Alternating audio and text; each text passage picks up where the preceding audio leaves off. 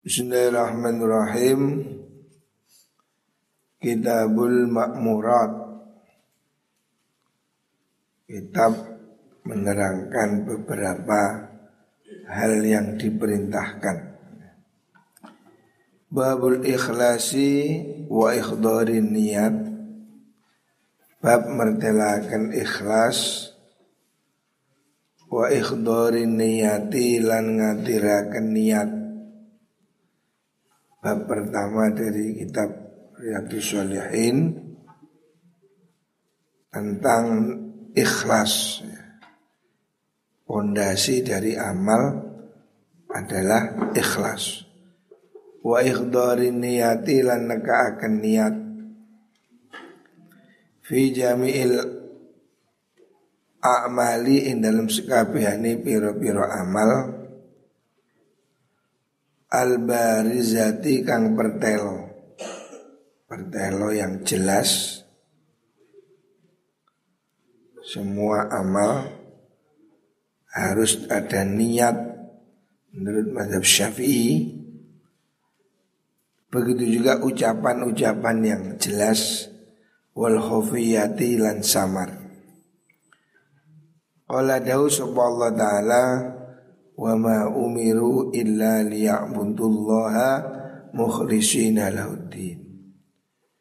Wa ma umiru lan ora den perintah sapa kaum Yahudi Nasrani illa liya'budu angin supaya padha nyembah sapa kaum Allah ing Gusti Allah. Mukhlisina ale piro-piro wong kang murni akan lahu maring Allah atina ing agama Hunafa'a hari piro-piro kang condong Wa yukimu lan jumenengaken sapa mengkono kaum as-salat ing salat. Wa yu'tulan padha nekani sapa kaum az-zakat ing zakat. Wa dzalika utai mengkono-mengkono mukhlisina lahuddin ilah ikuti nul qayyimah agama kang jejeg.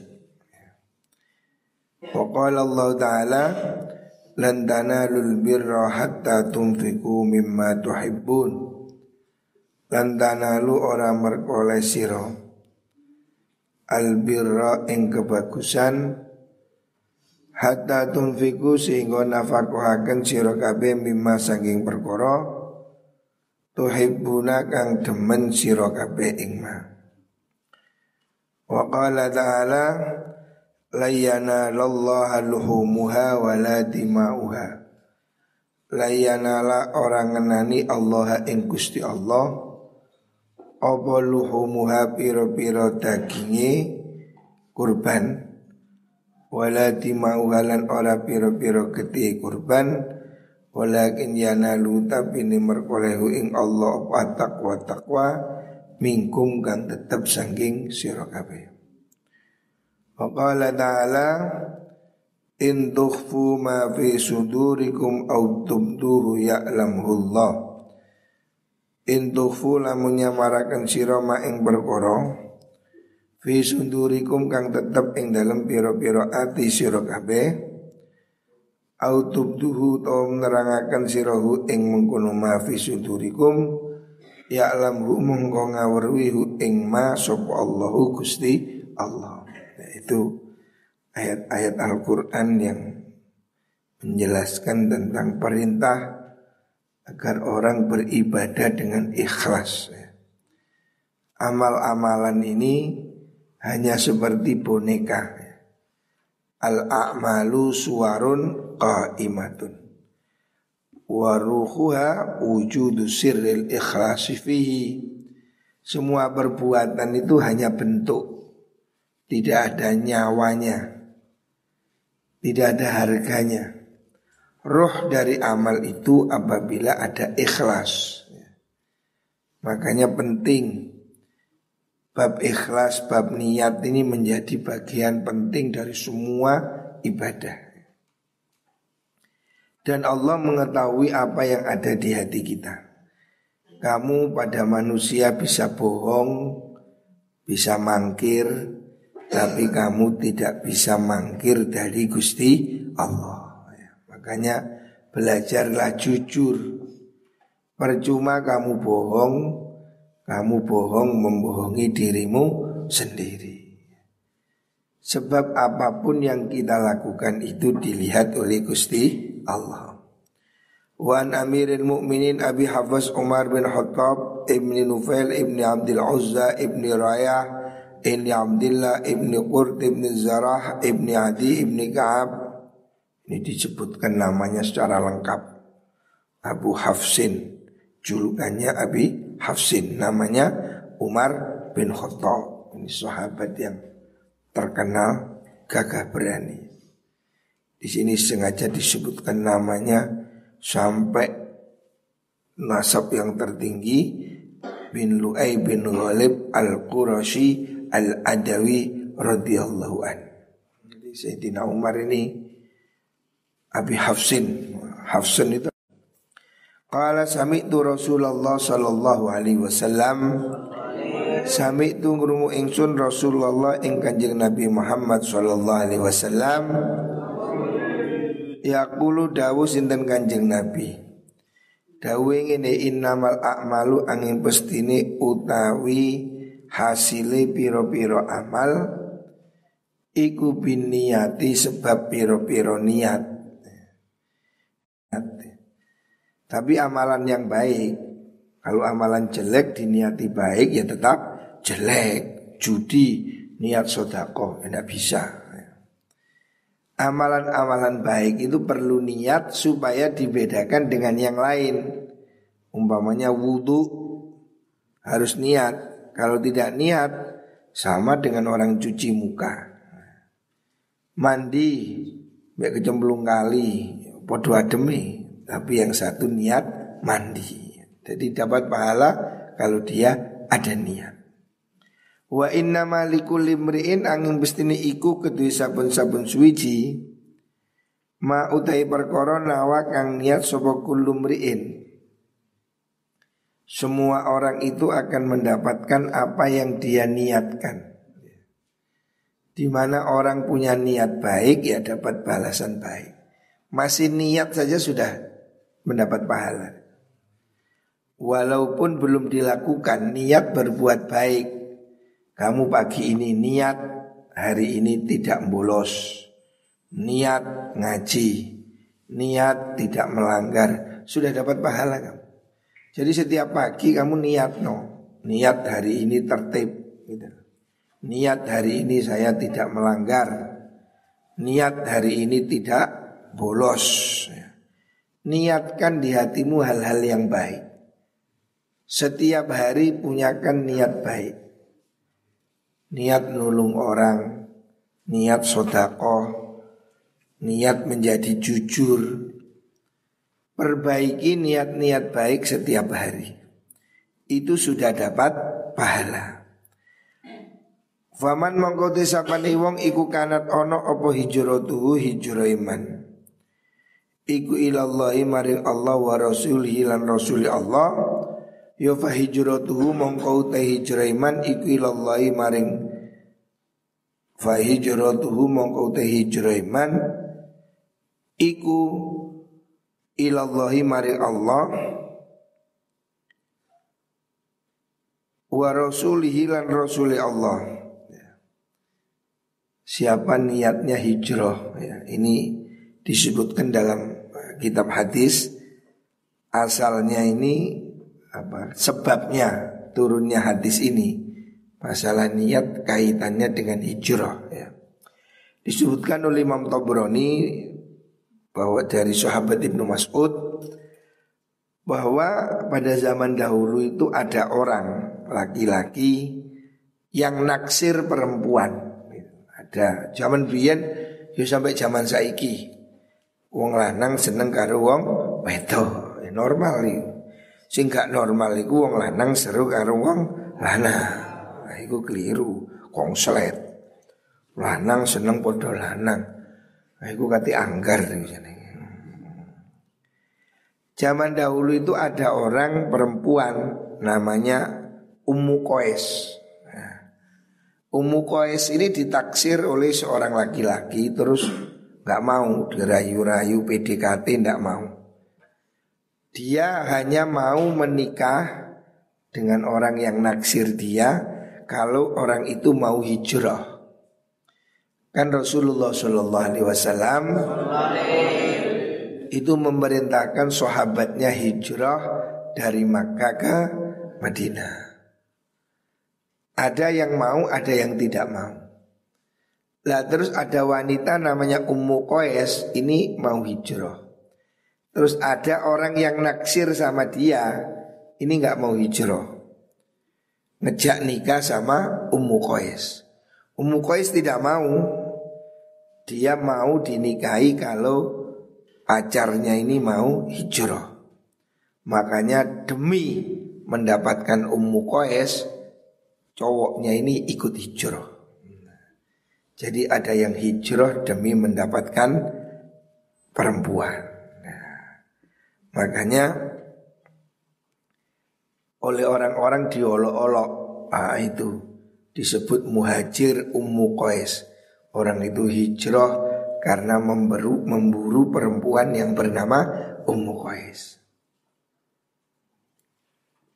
Makanya kemudian Rasulullah Shallallahu Alaihi Wasallam menjelaskan hal ini bahwa amal itu tergantung niat. Siapa orang hijrah karena Allah dan Rasulnya berarti dia hijrah kepada Allah dan Rasulnya. Artinya berarti amalnya hijrahnya itu diterima. Jadi ulama semua sepakat bahwa niat itu mempengaruhi sah tidaknya amal atau memperoleh syarat syarat mendapat pahala harus ada niat. Menurut ulama madhab syafi'i niat itu menjadi syarat dalam ibadah wudhu umpamanya. Tidak, tidak niat tidak sah. Tapi menurut Imam Hanafi itu ada pendapat syarat hanya dalam apa yang namanya makosid saja, tidak dalam wasail.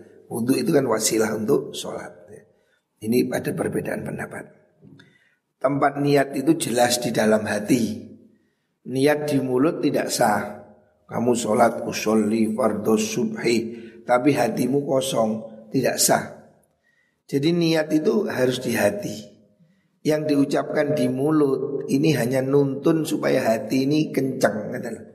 Makanya supaya kamu nggak keliru dituntun usolli fardhu duhri, usolli fardol asri. Tapi kalau mulutmu mengatakan usolli hatimu tidak, sholatnya belum sah. Sama dengan wudhu, orang wudhu nawaitul wudhu ah itu nuntun. Yang harus ada niat di dalam hati. Niat wudhu harus ada di dalam hati.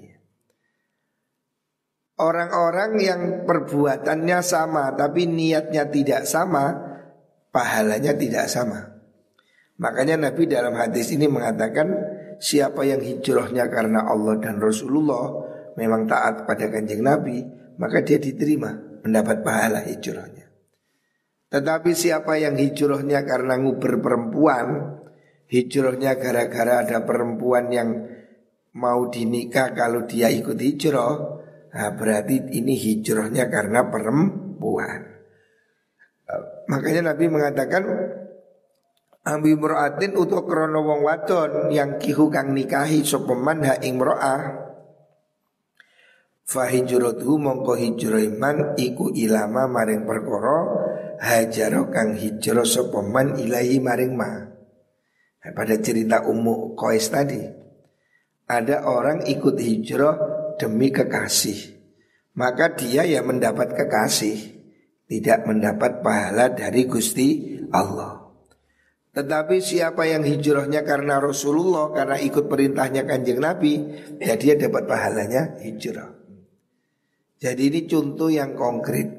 Sama-sama hijrah Ada orang pergi hijrah. Ada yang hijrahnya karena Allah Ada orang yang hijrahnya karena demi perempuan. Maka Nabi mengatakan yang hijrah karena Allah dapat pahala, yang hijrah karena perempuan dapat istri. Artinya amal itu tidak diterima kalau tidak ikhlas karena Gusti Allah. Sama-sama hijrahnya ya.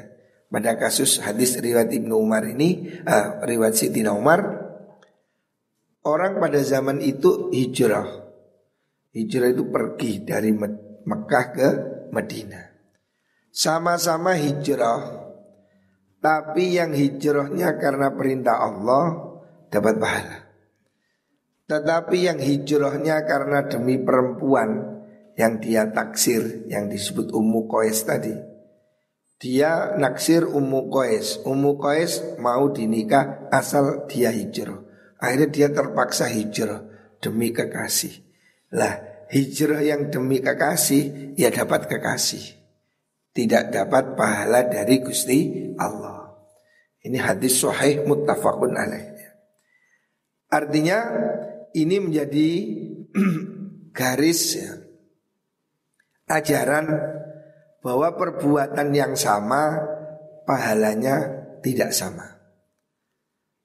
Ada orang hijrah dapat pahala susah payah. Hijrah itu perjalanan hampir 500 km antara Mekah Medina. Hari ini kalau kita naik bis 5 jam. Kemarin saya baru pergi ke sana Mekah Medina itu 5 jam. Ya kurang lebih 500 km Perjalanan zaman dahulu Naik onta. Uh sangat berat Berminggu-minggu. Ini perjalanan berat. Sama-sama merasakan berat Tapi yang hijrahnya niatnya benar dapat pahala Yang niatnya tidak benar tidak dapat pahala Makanya ini harus diperhatikan kamu mondok niatnya apa? Harus selalu diperbarui. Kamu datang ke sini mondok niatnya apa? Kalau kamu niatnya mencari ilmu, kalau kamu niatnya memperbaiki dirimu, ya kamu harus berusaha ikut aturan. Jamaah, ngaji, sekolah, berarti niatmu benar. Kamu memang pergi untuk mencari ilmu. Kamu pergi ke sini untuk mengubah tingkah lakumu dari jelek menjadi baik. Nah kalau di pondok kamu nggak mau sekolah, nggak mau ngaji, nggak jamaah, meluyur tok, mangan tok. Nah terus kamu dapat apa? Ya sama-sama pergi dari rumah. Kalau niatmu ngaji, kamu dapat pahala. Setiap hari kamu dapat pahala. Setiap hari. Karena niatmu mencari ilmu. Tapi kalau niatmu ke sini dolin, timbang ke oma nganggur, ke oma kanuk koncone, niat golek konco, pemane niat golek bucu, golek pacar. Kamu datang ke sini sia-sia tidak mendapat pahala. Rawang riwayatakan hu hadis sapa Imam al muhaddisin Imam lurune para ahli hadis urbani Abu Abdullah Muhammad bin Ismail bin Ibrahim bin Mughira Ibnil Bardiza Al-Ju'afi Al-Bukhari. Ini hadis yang dianggap paling soheh ini. Hadis ini diriwayatkan oleh Imam Bukhari dan Imam Muslim. Imam Bukhari ini bukan orang Saudi, bukan orang Arab Imam Bukhari itu disamarkan Sekarang bagian dari negara Uzbekistan. Jadi dia ini pencari ilmu yang luar biasa, menjadi ahli hadis. Padahal bukan orang Mekah, tapi orang Samar apa? Bukhara, Bukhara. Wa Abul Husain Muslim bin Hajjaj bin Muslim Al-Kushairi An-Naisaburi radhiyallahu anhuma. Imam Muslim fi kitabihima dalam kitab luruni Imam Bukhari dan Muslim Alladaini rumani kitab luru huma kang utawi alladaini iku asahul kutubi luweh sahih piro-piro kitab al musannafati kang den karang. Jadi dalam hadis banyak kitab hadisnya. Yang paling terkenal ya enam kitab hadis lebih luas menjadi sembilan kitab hadis. Ini kitab induk ya kutubus sitah, kutubus tis'ah. Tetapi yang diakui paling sahih di dunia ini dua kitab, yaitu kitab sahih Bukhari dan Muslim. Makanya kita mesti perlu ngaji. Ini kitabnya besar. Bukhari Muslim ini kitabnya beberapa jilid. Ada yang meringkas, diringkas karena hadisnya Bukhari Muslim itu banyak yang diulang-ulang. Makanya seperti Sahih Bukhari itu kemudian diringkas menjadi Tajridus Soreh. Jadi itu ringkasan dari Sahih Bukhari. Adapun seperti kitab yang kita baca ini, kitab Riyadus Solihin, ini hadis kitab ini lebih bersifat pengumpul, dipilih dari beberapa kitab. Jadi Imam Nawawi memilih hadis-hadis yang menurut beliau ini penting untuk budi pekerti luhur. Makanya dipilih kemudian disebut dengan nama kitab Riyadus Solihin. Taman Riyad itu taman. Solihin orang soleh. Artinya dengan ngaji kitab Riyadus Solihin harapannya kamu semua jadi orang-orang yang soleh. Amin Allahumma amin. Jadi siapa pun perlu ngaji kitab Riyadus Solihin. Sebab kitab Riyadus Solihin ini sudah merupakan kitab pilihan. Sama dengan kemarin kita ngaji kitab Mukhtarul Ahadis. Mukhtarul Ahadis itu artinya ya Mukhtar itu pilihan. Ahadis, hadis-hadis terpilih. Tetapi kalau Mukhtarul Ahadis kemarin yang kita ngaji itu hadis pendek-pendek. Hadis pendek yang gampang dihafal. Nah kalau Riyadus Solihin ini lebih tematik Beda kalau Mukhtarul Ahadis yang kemarin kita ngaji itu bersifat abjad diurut mulai alif, ba, tak diurut. Tapi kalau Riyadus Solihin berdasarkan tema atau bab.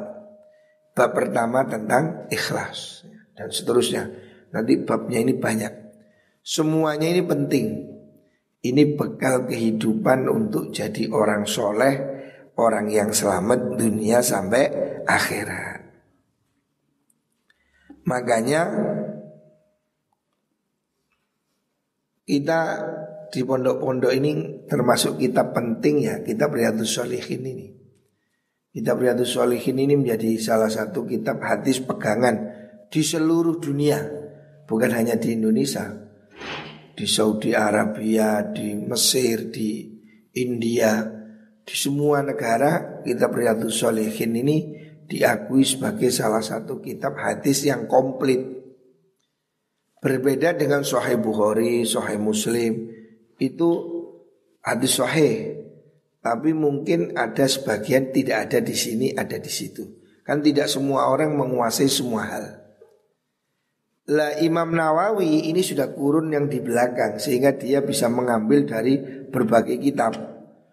Terutama ya dari Sahih Bukhari, Muslim, tapi ditambah dari Sunan Abi Dawud, Tirmidzi, Nasai. Jadi ngaji kitab Riyadus Solihin ini ibaratnya itu sudah matang. Kalau Sahih Bukhari ini masih bahan, bahan-bahannya seperti itu. Ngaji Riyadus Solihin ini sudah barang jadi, sudah menunya sudah jadi. Ayat Qur'annya ini, hadisnya ini ikhlas oh, ini sama ini. Jadi Imam Nawawi merangkum dari berbagai kitab hadis dan dari ayat-ayat Al-Qur'an. Ini kitab salah satu kitab hadis yang penting ya. Yang kita belum mampu ngaji kitab besar seperti Bukhari, Muslim dan yang lain. Insya Allah cukup ngaji dengan kitab hadis yang merupakan sudah pembanding menjadi kumpulan yaitu kitab Riyadus Solehin Taman orang soleh Insya Allah siapa ngaji kitab Riyadus Solehin Dibaca, diamalkan Pasti menjadi orang yang soleh. Hidup sesuai tuntunan kanjeng Nabi. Ini kitab ini komplit Babnya lengkap, sangat lengkap. Dan semuanya berdasarkan Quran hadis. Jadi ini nanti isinya semua Riyadus Shalihin ini hanya Quran hadis. Tentang akhlak mulia. Makanya semuanya harus beli. Iku sing durung duwe kitab iku aja ndowe hae, tuku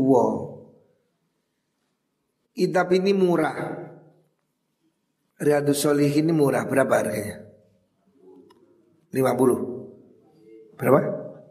40 Murah rek kitab sak mini gede ini petang bulu ewu Seket tahun gantek Pokoknya dicokot Lima berapa harganya? 40 ribu Masih lebih murah dibanding handphone nah, Handphone Apple kecokot nah, iPhone Ini harganya berapa dulu ini Saya beli 11 juta tipis. Iki gede.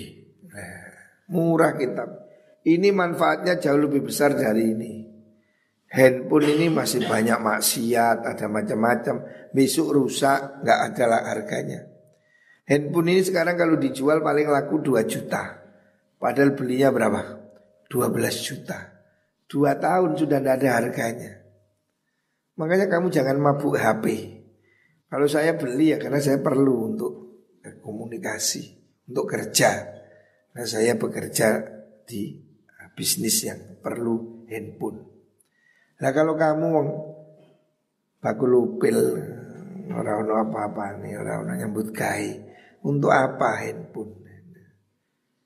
Ini kitab jauh lebih berharga dari HP. HP ini loh, mungkin dua tahun lagi udah nggak laku. Apalagi kalau jatuh, plek rusak, es gak bayu. Sebelum ini saya punya handphone iPhone sebelumnya itu dulu belinya 9 juta. Tak kayak wudhu roto prok is didol payu biro 500 rusak di dendeng ibu. Tidak ada harganya. Tapi kitab ini, oh ini harganya mahal, cuma 40 ribu tapi ini berlaku seumur hidup. Tidak ada kedaluarsanya ini. Kalau yang lain ada kedaluarsa, ini kedaluarsa. Ini kedaluarsa. Ini sepanjang masa. Maka kamu tidak rugi beli kitab ini tidak rugi, ngono loh. Wong tuku sepatu iso kok tuku kitab gak iso. Siapa yang belum punya kitab ngajung? Yang belum punya kitab? itu, itu untuk kitab apa itu? Oh, Hah? Tuku adul adul. Apalagi merokok, wah, tuh soto. Rokok satu pak berapa? rokok gudang garam satu pak berapa? Berapa harganya? Berapa? Lima belas ribu. Iki lo meregane rokok telung pak. Rokok telung pak kok sedot amblas jadi utis. Gak manfaat belas. Ini, oh, kalau kamu amalkan, kamu jadi orang mulia seumur hidup dunia sampai akhirat. Makanya semuanya harus beli. Nanti kalau yang nggak punya ya kita bantulah. Baik ono wong sodako. Tapi kan itu ojo medit-medit. Kamu jangan eman beli kitab. Jangan eman beli kitab. Jangan eman biaya pendidikan. Sebab biaya pendidikan itu sesungguhnya sangat murah. Biaya pendidikan itu menurut penelitian hanya 5% Hanya 5% dari apa yang kita miliki nanti Contoh saya Saya biaya sekolah saya Mulai SD sampai S1, S2, S3 Itu kalau diukur Mungkin cuma 5% dari apa yang saya miliki hari ini Jadi biaya pendidikan itu tidak mahal Biaya pendidikan itu sangat murah Dibanding apa yang kita dapatkan jadi kalaupun kamu kuliah bayar kuliah itu mahal. Heran uang mulai kuliah gelem bayar. Tapi lagi pondok bulat gak gelem bayar. Setiap bulan mesti yang nunggak 50 persen. Padahal murah pondok sangat murah. Bayangkan SPP di pondok cuma berapa? 350 wis sak mangane, bayang no. Sak mangane, sak mondoke, sak sekolah dinia Pondok kita ini super murah, cuma berapa? 350 ribu Bandingkan di Batu itu ada pondok Berapa SPP nah? 3 juta setengah. Di Batu ini ada pondok yang masuknya 45 juta. Pondok kita ini piro? Sak juta, rong juta gratis. Kita ini tidak pernah nolak yang gratis ake. SPP yo ake sing bayar. Murah padahal. Tapi lek kuliah bayar 10 juta iso. Saya ini sudah sering diapusi. Pondok minta gratis. Saya ini ya kayak mentoloan. Aku yang nggak mentoloan. Ya nggih. Mboten nggak ada, nggih. Mboten mampu, nggih. Ada banyak anak yang mondok gratis. Tapi baru kuliah. Tak takoni bayar piro pitung juta. Lah kok duit duit. Mondoknya jaluk gratis, kuliah gelem bayar. Ini tipe orang pelit, bakhil, medit. Berarti itu orang medit. Kuliah 7 juta bayar. Mondok telung atau sewu jaluk gratis. Tipe orang bakhil. Sudah bakhil bohong lagi. Ini banyak kasus seperti ini banyak. Jadi mondok gratis Kita ini kan memang ingin membantu Banyak anak mondok kita gratis Bantu, tidak mampu gratis Kita beri beasiswa tapi mari ngono tamat ya nyingkrik kuliah. Lah kok mondok gratis kuliah bayar. Iku jenenge wong bakhil. Nauzu billah.